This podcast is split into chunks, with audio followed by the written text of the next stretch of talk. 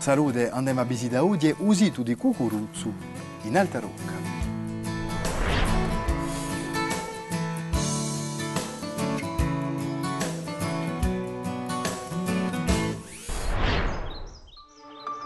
Il castello di Cucuruzzu non taubian di Levia è forse uno degli elementi più assegnalati dell'età di bronzo in Corsica.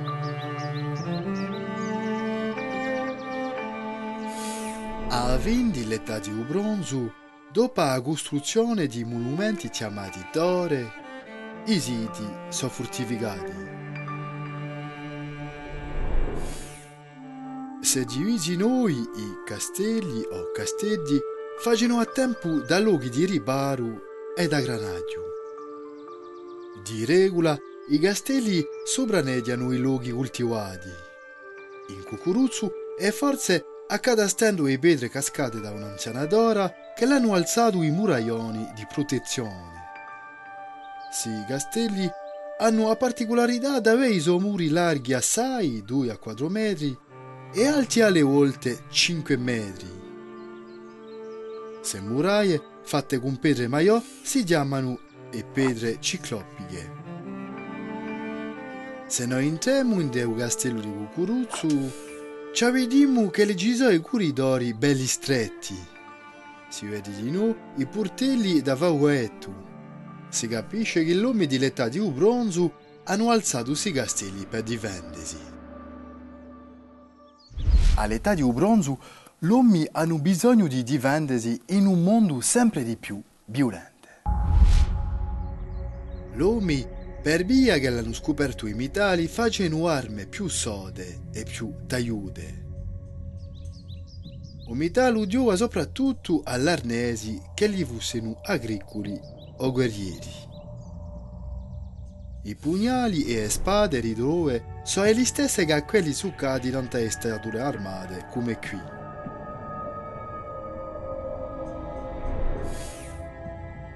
Ma voltemocene al nostro castello di Cucuruzzu.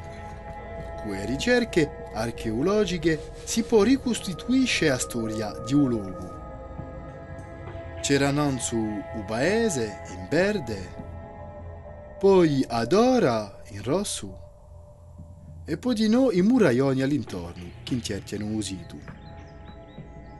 Da fa caso che di a poco preso alla stessa epica che sono i famosi nuraghi in Sardegna. Ma chi scombattiano gli uomini che stavano in Lugastero di Cucuruzzu? Anche all'età di bronzo a Corsica ferma un paese agropasturale. A roba ritrova sopra il sito di Cucuruzzu è messa in mostra a un museo di Livia. Ci permette di capire la vita quotidiana degli abitanti di un castello. Si vedono qui l'arme quelle punte di frezze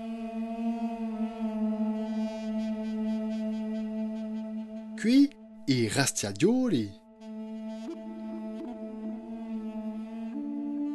Ci sono di nuovo diverse piole. Una ricostituzione di sporta.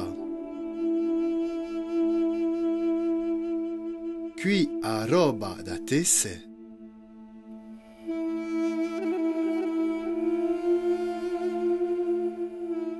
I stuigli di Dara.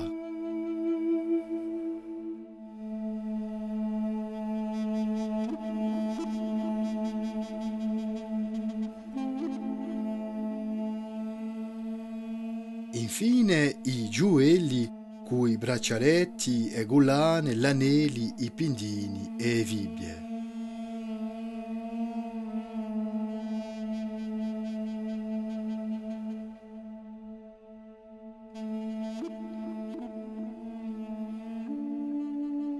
Si capisce che a scoperta di un sito di Cucuruzzu ci insegna assai non l'epica di un bronzo in Corsica.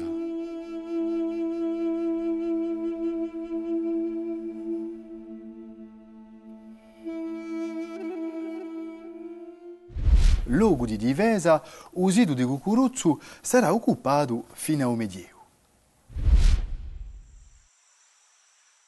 Accanto al castello di Cucuruzzu, a una ventina di minuti a peri, si trova un altro sito preistorico, quello di Capula. Quindi c'era un castello. Nel sito di Capula si vede la presenza di un megalitismo con questa pedra ritta chiamata Stantara.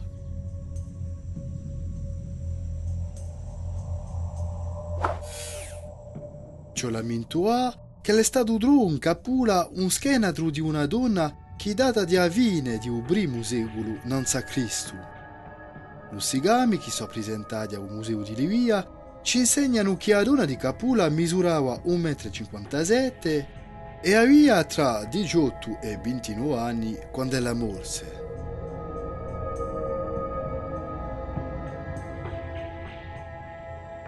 In Capula c'è di nuovo la presenza di un castello medievale si vede qui ciò che ferma di fortificazione. Per concludere, si può dire che il sito di Cucuruzzu è uno degli elementi più famosi dell'età di bronzo in Corsica.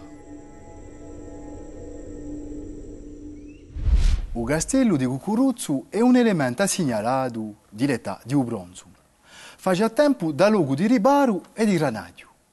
Il sito di Cucuruzzu è stato occupato fino al Medioevo. A presto.